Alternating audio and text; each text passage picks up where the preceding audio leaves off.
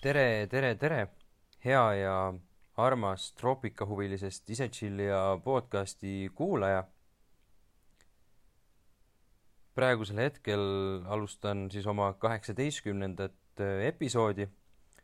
Neid äh, tuleb kindlasti veel ja kui varem sa ei ole neid podcast'e kuulanud, siis äh, mina soovitan kuulata. Loodan, et see järgnev pool tund umbes saab olema sinu jaoks huvitav ja ja uudne ja võib-olla lihtsalt niisugune mõnus äraolemine.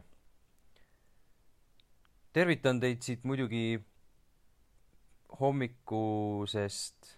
Reunioni saarelt on pühapäeva hommik. ma olen küll kahjuks äh, pidanud tuppa kolima, sellepärast et õues oli päris vinge tuul ja ja tekitas äh, mikrofoni heli, mida ma teile, millega ilmselt ei oleks võib-olla seda podcasti kõige mõnusam kuulata, aga oli ka seal tuule vahel kuulda ilusti linnulaulu ja, ja päike vahepeal piilus pilve tagant ilusti välja. et kõik on selline mõnus ja hea, nagu siin troopilisel äh, saarel nagu olema peaks või, või inimesed ette kujutavad ja piltide pealt äh, näha ka siis on. aga jah jälle kahjuks äh, põikame siit Reunioni saarelt äh, ikkagi sinna sügavasse džunglipaika Prantsuse Guajanasse, kus Amazonase džungel kasvab, mühab ja elutseb täiel rinnal. tegi seda nii kakskümmend aastat tagasi, neli aastat tagasi, kui mina seal olin, kui ka, kui ka praegu mis siis äh, Prantsuse Guajanas äh, seal maikuus äh, juhtuma hakkas? no näiteks üks päev või noh, mitu päeva tegelikult järjest ma siis pidin põletama puitu, mis või noh, niisugune vihmametsa puitu, et noh, ei ole küll kõige ilusam rääkida, aga võtsime natukene vihmametsa seal Prantsuse Guajanas maha, et laiendada oma lotsi siis ala ja ehitada mõned äh, lotsid juurde, sellepärast et nõudlust on, on päris, päris palju. oli siis ja on ka praegu ja siis meil tekkisid sinna lagedale alale siuksed suured-suured puuhunnikud ja ma pidin neid siis äh, põletama, et sellest kõigest äh, sealt lahti saada. mis oli selle juures aga hästi-hästi nõme, oli see, et et käes oli vihmaperiood, vihma sadas päris palju nii päeval kui öösel ja kõik need puud olid märjad ja, ja see nii-öelda see puuhunnik nagu jaanituli, see oli ikka meeletult suur jaanituli. et, et need olid nagu sihuke hästi õhuliselt seal ja, ja üldse ei tahtnud põlema minna. ja ma proovisin äh, ühtemoodi, teistmoodi, kasutasin kütust isegi, aga ei läinud ja mõned inimesed tulid mulle siis linnast veel appi. aga ühesõnaga jah, suhteliselt nutune lugu ja võin äh, öelda, et minu ajal igatahes need puud seal põletatud ei saanudki, et täpselt ei tea, kuidas, kuidas need sealt äh, siis eemaldati või, või põletati ära. igatahes, teen mina seal lõketsin raskelt, äh, saen puitu ja väiksemaks ja, ja noh, põletan. ja siis äh, tulevad minu juurde kaks niisugust noh, ma arvan, umbes kolmekümnendatest meesterahvast küsivad, et kuule, tere, et äh, ma kuulsin, et siin lähedal on mingisugused äh, koopad, et äh, me tahaks sinna minna, et me oleme ühed nahkhiire uurijad, kes teevad siis nahkhiirtest ühte teadustööd ja, ja nagu koopas neid nahkhiiri on, et kas siis on siin lähedal mõni ja kas te osk-, oskate meid siis sinna juhatada, et meil on GPS-is mingi punkt ka, aga ega täpselt ei tea, et eh, kas te teate, mina ütlesin, et jah, et ma muidugi tean ja, ja võin teid ka sinna vabalt viia, sellepärast et see tundus eh, väga huvitav ja, ja, ja põnev vaadata, mis nad seal koopas teevad ja, ja nahkhiirtega peale hakkavad. nojah, siis me natukene rääkisime seal ja siis eh, nad ütlesid, et nad tulevad paari päeva pärast tagasi ja, ja siis saan nendega koos koopasse minna ja juhatada neile teed paari päeva pärast siis äh, tulid tagasi ja, ja siis hakkasimegi minema sinna Koopa suunas, sellesse, mida ma siin, ma arvan, kuskil suhteliselt esimestes äh, osades võib-olla isegi mainisin. jõudsime siis sinna oma koopa juurde, mida kut-, kutsutakse siis äh, Red Paint Bucket äh, koopaks. ja, ja kindlasti ja, ja nahkhiired muidugi olid olemas kõik ja siis nad võtsid ka igasugused oma arvutid ja mehaanikad ja asjad välja, et, et kontrollida, mis nahkhiired seal täp- parasjagu on. et neil on noh, nahkhiiri siis äh, määratakse lihtsalt ka kaja lokatsiooni järgi, et äh, nahkhiired äh, siis orienteeruvad ruumis ja, ja looduses äh, kaja lokatsiooni järgi, et nad saadavad siis signaale välja niimoodi hästi tiheda ajavahemiku tagant ja siis need signaalid põrkuvad siis objektidelt tagasi, olgu selleks objektiks siis puu, mille vastu lennata ei tohi, või siis hoopis mingisugune putukas, mida nad süüa tahavad, või siis näiteks nektar või puuviljad, millest nad ka siis toituvad vaat sedasi ja siis nad ka lokatsiooni järgi määrasid need nahkhiired ära ja ütlesid, et kuule, et need ei ole, et väga tore koobas ja, ja kõik sellised, aga need nahkhiired ei ole need, mida meie siis otsime. et minu koopas need nahkhiired olid siis äh, sellised, kes toitusid siis nektarist, aga nemad otsisid nahkhiiri, kes siis toituksid äh, putukatest ja, ja lõpuks tuli välja üldse see, et see koobas ei olnudki see koobas, mis neil seal GPS äh, punktis oli. ja see tähendas ainult seda, et ähm, tuli minna ka koos nendega natukene edasi ja sinna teise koopa juurde, mida ma siis polnud äh, kunagi varem teadnud, et selline asi seal on, noh, looduses niikuinii kuskil midagi on, sest seepärast, et seal on avastatud, aga, aga meie tutvusringkonnast ja, ja varem eestlastest, kes seal äh, Äh, töötanud olid, keegi sellest koopast vähemalt minu teada ei teadnud ja, ja, ja mu ülemus ka ei teadnud. seega võtsime siis äh, suuna siis selle teise koopa juurde ja, ja noh, ma arvan, et see oli umbes poole tunni teekond sealt äh, sellest minu koopast, mida ma hästi teadsin ja tundsin. Ja see oli natukene selline väiksem ja, ja nagu selline tunneli moodi koobas ja samuti oli seal ka nahkhiired ja selle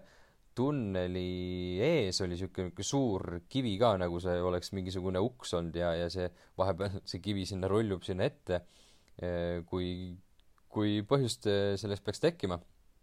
ja noh, nad võtsid seal ka neid nahkhiiri eh, ja üritasid määrata ja vaadata ja need ei olnud ka kahjuks või õnneks siis need nahkhiired, keda nemad siis otsisid ehk siis äh, kokkuvõttes äh, minu jaoks äh, väga tore ja äge käik, nende jaoks võib-olla ka tore ja äge, aga siiski ei leitud vajalikke mm, nahkhiiri. aga asi läks huvitavaks siis, kui ma küsisin, et noh, et kas kuskil neid nahkhiire on ja kas te kavatsete ka siis välitöid teha ja, ja nende nahkhiirtega siis midagi peale hakata ja, ja nii edasi ja nii edasi ja edasi. ja sa ütlesid jah, et nad järgmine nädal tulevad äh, siiakanti tagasi, sellepärast et see koobas, äh, kus äh, elab see lind Ruuge kaljukukk, kellest ma ka olen siin podcastis juba varem rääkinud sellest koopast, et nad lähevad siis üheks õhtuks sinna ja, ja seal nad saavad siis oma nahkhiire uurimust teha. ma muidugi küsisin, et kas ma saan teiega kaasa tulla ja nad äh, olid sellega täiesti nõus. ja siis järgmine nädal nad tulidki, võtsid mu sealt äh, oma lotšist peale ja sõitsime siis sinna Ruuge Kaljukukke koopa juurde. Äh, neil oli kaks suurt minivänni ja, ja noh, kõik need pagassid olid igasuguseid asju ja välitööks vajalikke materjale täis. Siis me läksime sinna alla, see oli vist umbes, ma arvan, kell viis või kell kuus selline, kui oli veel valge, ja siis me hakkasime püsti panema välilaborit. et äh, kõigepealt äh, panime püsti siukse noh, äh, telgi, nagu te võib-olla kuskil festivalidel või suvefestivalidel näinud olete või siis perekonna või suguvõsa kokkutulekutel. et selline telk, mis läks sinna kuskile vihmametsa puude vahele koopa suu juurde, mitte koopasse sisse. Ja siis äh, noh, muidugi lauad ja toolid ja siis äh, sinna sellesse laudade peale siis äh, kõik igasugused materjalid, mingisugused väiksed tuubid, kuhu sai koguda proove, süstlad, mõõdupuud, tabelid, paberid, kõik sellised asjad, et pärast vaadake Instagramist või Facebookist pilti ka järgi, et siis näete, milline see välilabor siis meil seal välja nägi. Kui me olime pannud selle välilabori püsti, siis me läksime sinna Koopa suu juurde ja siis nad panid sinna Koopa suu juurde ühe sellise püünise, võiks öelda isegi, et äh, see püünis nägi välja selline, et ta oli, all oli siis, mõlemal pool olid äh, kolmhargid, et ta ilusti püsti püsiks. Äh, siis tuli, see oli nagu sihuke sein ja seal seina peal jooksid siis tamiilist need ribad alla ehk siis tamiil on niisugune läbipaistev ja hästi peenike, aga samas hästi tugev, nendega püütakse siis kala, kes varem ei teadnud ja kui nahkhiir oma kajalokatsiooni kasutab, siis ta eriti ei märka neid. Ja siis nad jäävad äh, sinna tamiili, takerduvad kinni ja kukuvad alla, kus on siis äh, selline püüdmiskoht, kus nad äh, sealt äh, välja ei saa. mul peaks olema pilt ka, et äh, pärast vaadake järgi.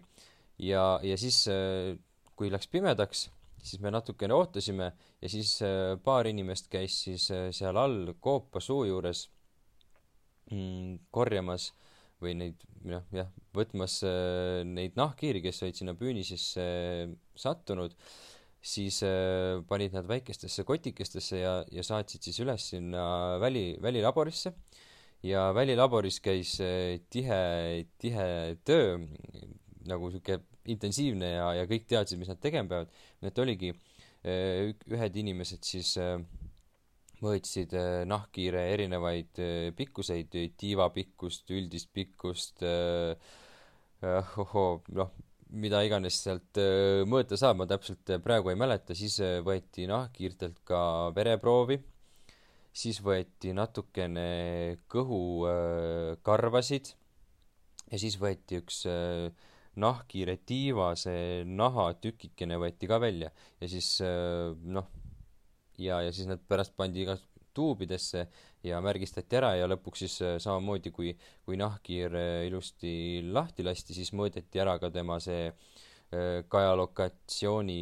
sagedus mm, arvuti, arvutiga. et päris vägev ja vinge oli. ise, noh, ma olin pigem siis vaatleja, käisin paar korda all neid nahkhiiri mm, nii-öelda vaatamas, kuidas neid äh, sealt püünisest äh, välja võetakse ja samuti siis sain ühe nahkhiire, äh, üht, üht nahkhiirka käes hoida ja lasta lahti samal ajal, kui siis teine inimene arvutiga tema kajalokatsiooni äh, sagedust mõõtis. vot selline äge asi ja siis see uurimus pidi siis olema nahkhiirte viirusest, mis praegusel ajal, nagu te ilmselt väga teate, on, on meeletult äh, populaarne tänu koroonaviirusele muidugi. et äh, ma ei tea, mis selle uurimuse tulemus oli või mitte, aga igatahes jah, nahkhiire viiruseid nad üritasid siis äh, uurida, et võib-olla meil kunagi äh, oleks vähem ohtu sellisele pandeemiale, nagu ta praegu siin aset leiab. et äh, jaa, vot selliseid asju saavad siis äh, bioloogid äh, näiteks teha, et minna kuskile suvalisse vihmametsa koopasse ja ja veeta kolm-neli-viis tundi tehes teadustööd, mis siis aitab võib-olla kunagi ära hoida miskit halba meie inimeste jaoks. väga vinge. ja muidugi lisaks sellele, et nad seal meie kandis olid ja oma uurimust tegid, siis samuti on seal Prantsuse kanalas koopaid küll ja veel ja siis nad käisid teiste koobaste juures äh, ilmselt samasuguseid äh, õhtuid veetmas, et siis nagu võib-olla kaardistada ja vaadata, mi-, mis kuskil on, aga see oli see ainuke õhtu, kus mina nendega kaasas käisin ja, ja sellest on mul ainult siis väga ägedad ja, ja uhked äh, mälestused. aitäh neile inimestele, kes mind siis sinna kaasa lubasid enda tööd vaatama.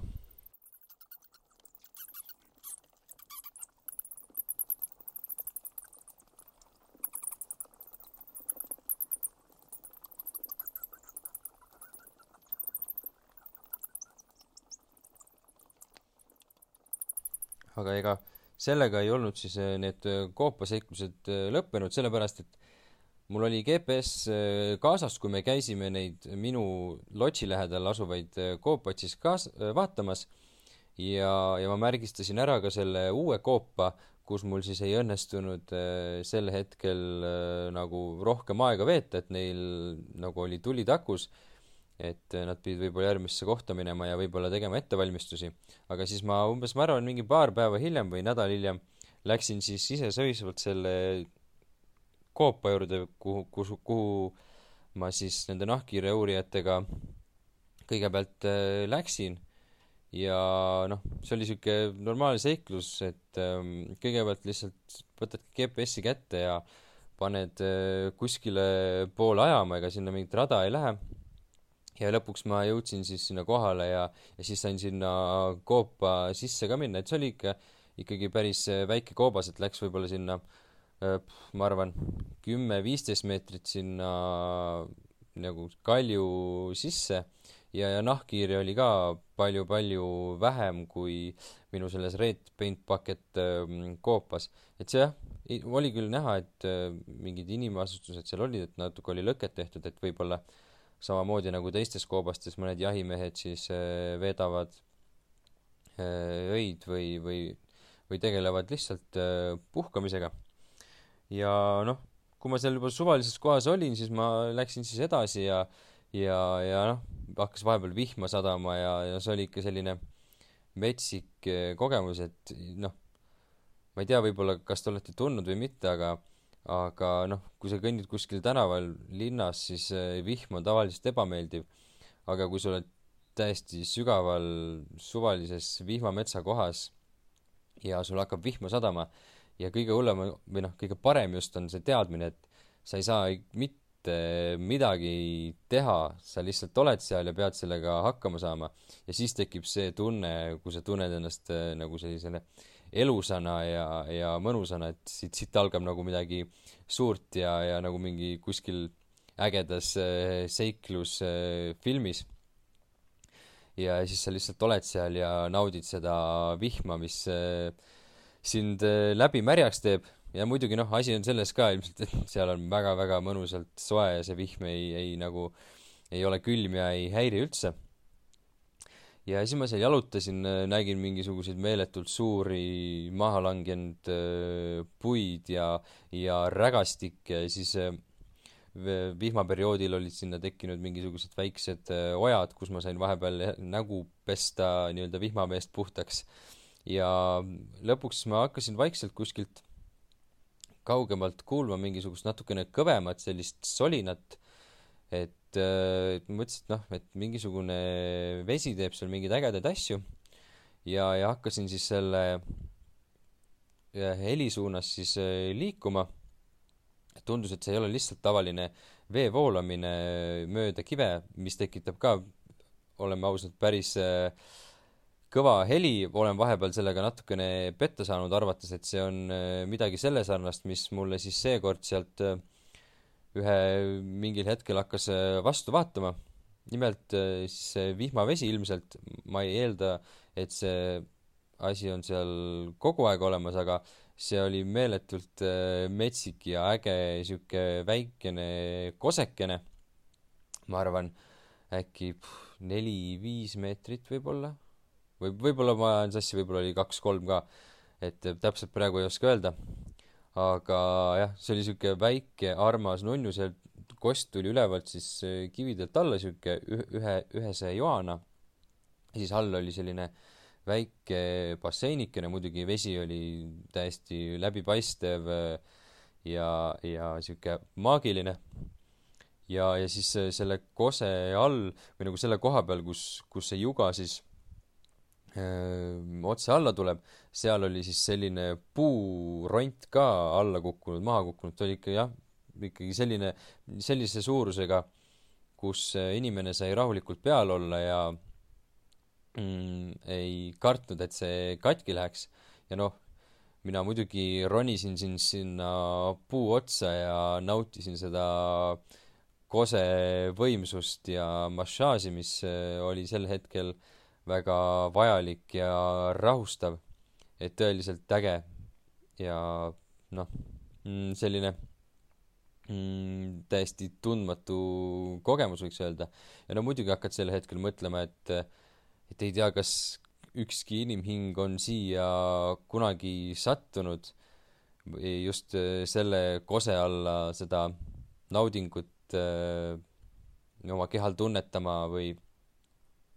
või, või kas keegi on üldse seda koske kunagi näinud, et no muidugi tore oleks ju mõelda, et mina olen see esimene inimene, kes äh, siia sattunud on. ja äge on ju mõelda, et või noh, öelda isegi, et, et mina olen see esimene ja ainuke inimene, kes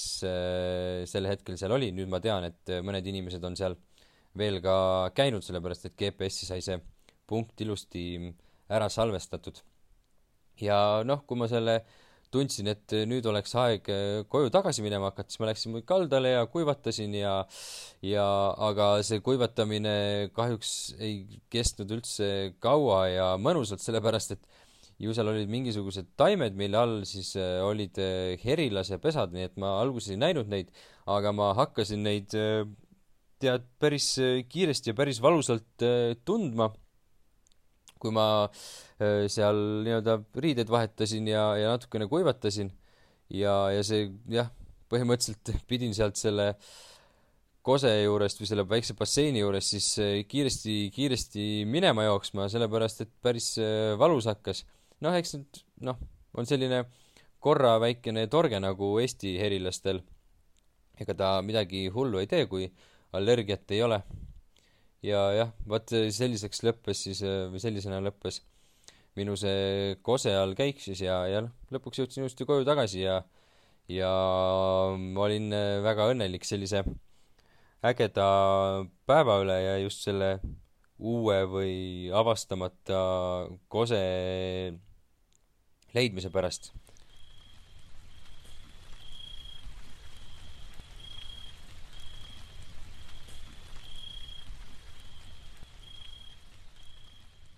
nüüd äh, natukene teisi lugusid ja juhtumisi ka, kui ainult koobastest, et siis üks õhtu ma sõitsin tagasi autoga pealinnast ja mul istus äh, kõrval siis meie majapidajanna äh, elukaaslane. Ja noh, sõitsime seal rahulikult ja, ja nagu ikka, hoiad silmad lavat-, avatud ja lahti. Ja siis ma nägin tee peal ühte korallmadu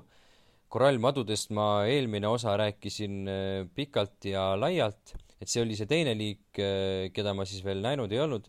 et seekord ma nägin siis Micrurus surinamenensis ehk siis vist Suriname korallmadu. ta on jah, väga-väga ilus ja erk ja äge madu.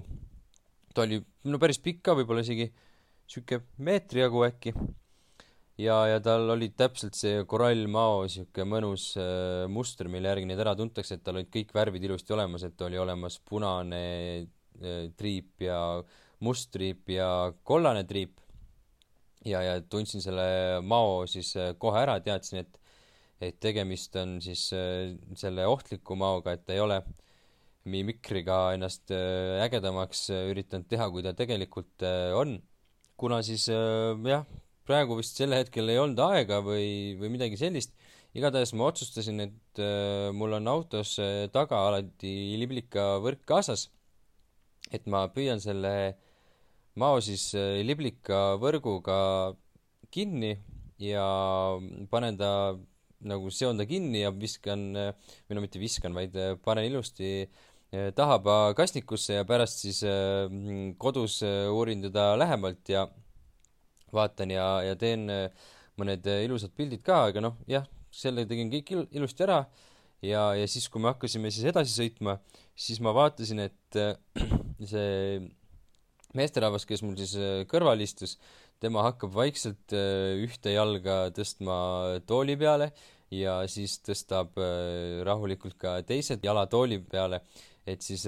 põhimõtteliselt äh, ta hakkas tegelikult natukene kartma, et ähm, mingisugune madu meil äh, pagasnikus on. no loomulikult midagi ei juhtunud, madu püsis ilusti võrgus sees ka, nii nagu ma olin mõelnud ja soovinud ja pärast siis läksingi selle maoga metsa ja lasin ta siis metsa vahele ilusti oma elu elama. Muidugi tehes eelnevalt ka mõned pildid mälestuseks ja, ja inimestele näitamiseks. siis üks lugu veel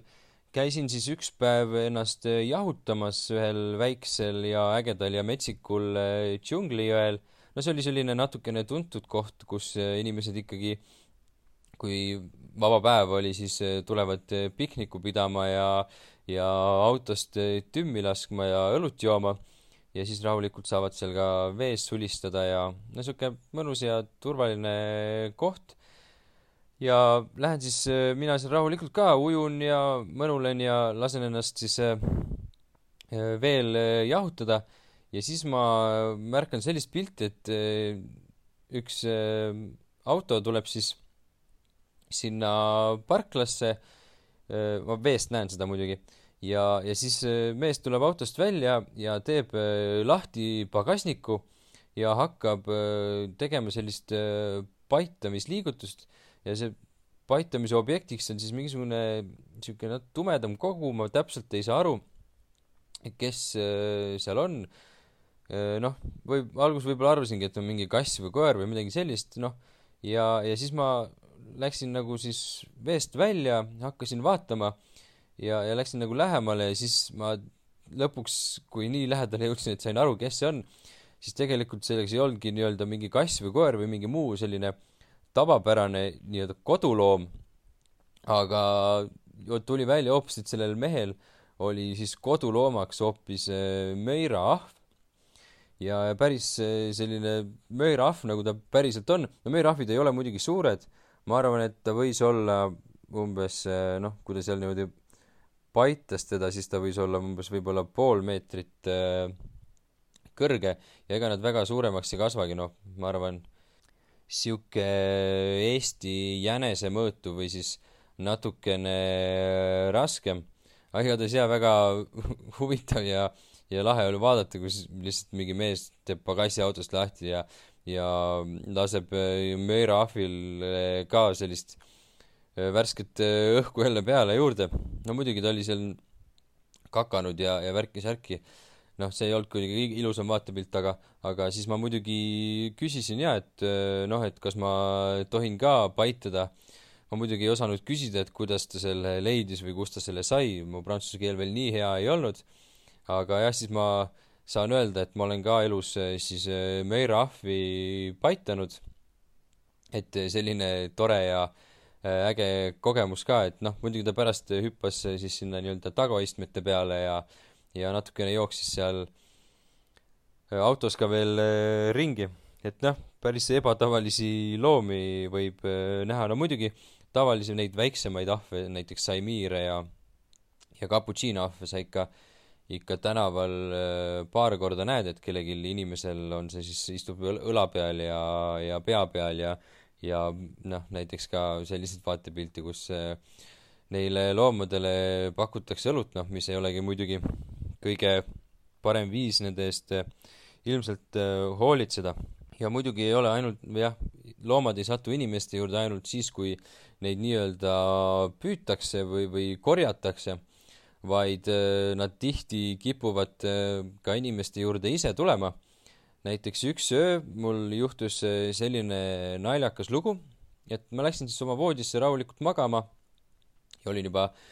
oma hea paar-kolm tundi rahulikult unemaailmas veetnud, kui ma hakkasin läbi une kuidagi tundma sellist tunnet, nagu sul roniksid mingid sipelgad äh, üle selja või noh, niisugune natukene niisugune kõditav, niisugune natuke mõnus kõditav, natukene ka niisugune hirmutav kõditav tunne. Ja no ma ärkasin siis äh, ülesse ja, ja panin siis äh, tule põlema. Ja mida ma nägin, oli siis selline pilt, et et üle minu selja ja üle minu voodi ja üle minu toa jooksidki päris äh, sipelgad ringi. et ilmselt neil oli siis mingisugune koloonia rändamisaeg ja minu siis lots ja minu siis tuba jäi neile täpselt tee peale. aga selle, noh, miks mit-, miks minna ümber, kui saab ka otse, eks nad tulid kuskilt sealt läbi nende puupragude tulid siis minu tuppa tuppa, ronisid üle minu voodi, üle minu selja ja siis läksid teisest toa oks-, otsast siis kuskilt õue välja. ja, ja noh, neid oli ikka meeletult palju, nagu ikka sipelgakolooniates, võib-olla miljoneid isendeid rahulikult seal läksid, no ma läksin muidugi õue vaatama, kuhu nad äh, lähevad, aga ega ma väga ei näinud ega leidnud mm, sellist uut pesapaika, kogu aeg oli selline lihtsalt rada ja rada. sealt läksid, et päris huvitav ja, ja crazy, noh, ega mul siis midagi teha ei olnud, ega ma neid siis äh, kõike kõike kuidagi sealt minema ajada ei suutnud, seega ma lihtsalt äh, tegin sellise variandi, et jah, läksin, võtsin võrkkiike, panin selle mm, võrkkiige siis õue ülesse ja, ja magasin siis äh, õues äh, oma paar-kolm tundi edasi ja siis ärkasin jälle üles ja tulin oma tuppa tagasi ja siis polnud seal enam äh, ühtegi sipelgat järgi, et nad olid siis oma kolimisega võib-olla lõpule jõudnud või vähemalt see viimane ots oli minu toa läbinud. sellised lood olid siis täna ja loodan, et oli, oli huvitav saade ja kui ei ole varasemaid osa, osasid kuulanud, siis äh, soovitan neid kuulata ka, et siis võib-olla on parem ettekujutus sellest Prantsuse Guyanast ja, ja minu elust-olust seal. Seniks, äh, kuni ma teid järgmine kord äh, oma lugudega loodetavasti lõbustama hakkan, siis öö, olge mõnusad, nautige päeva ja jah, see ongi vist kõik. tšau!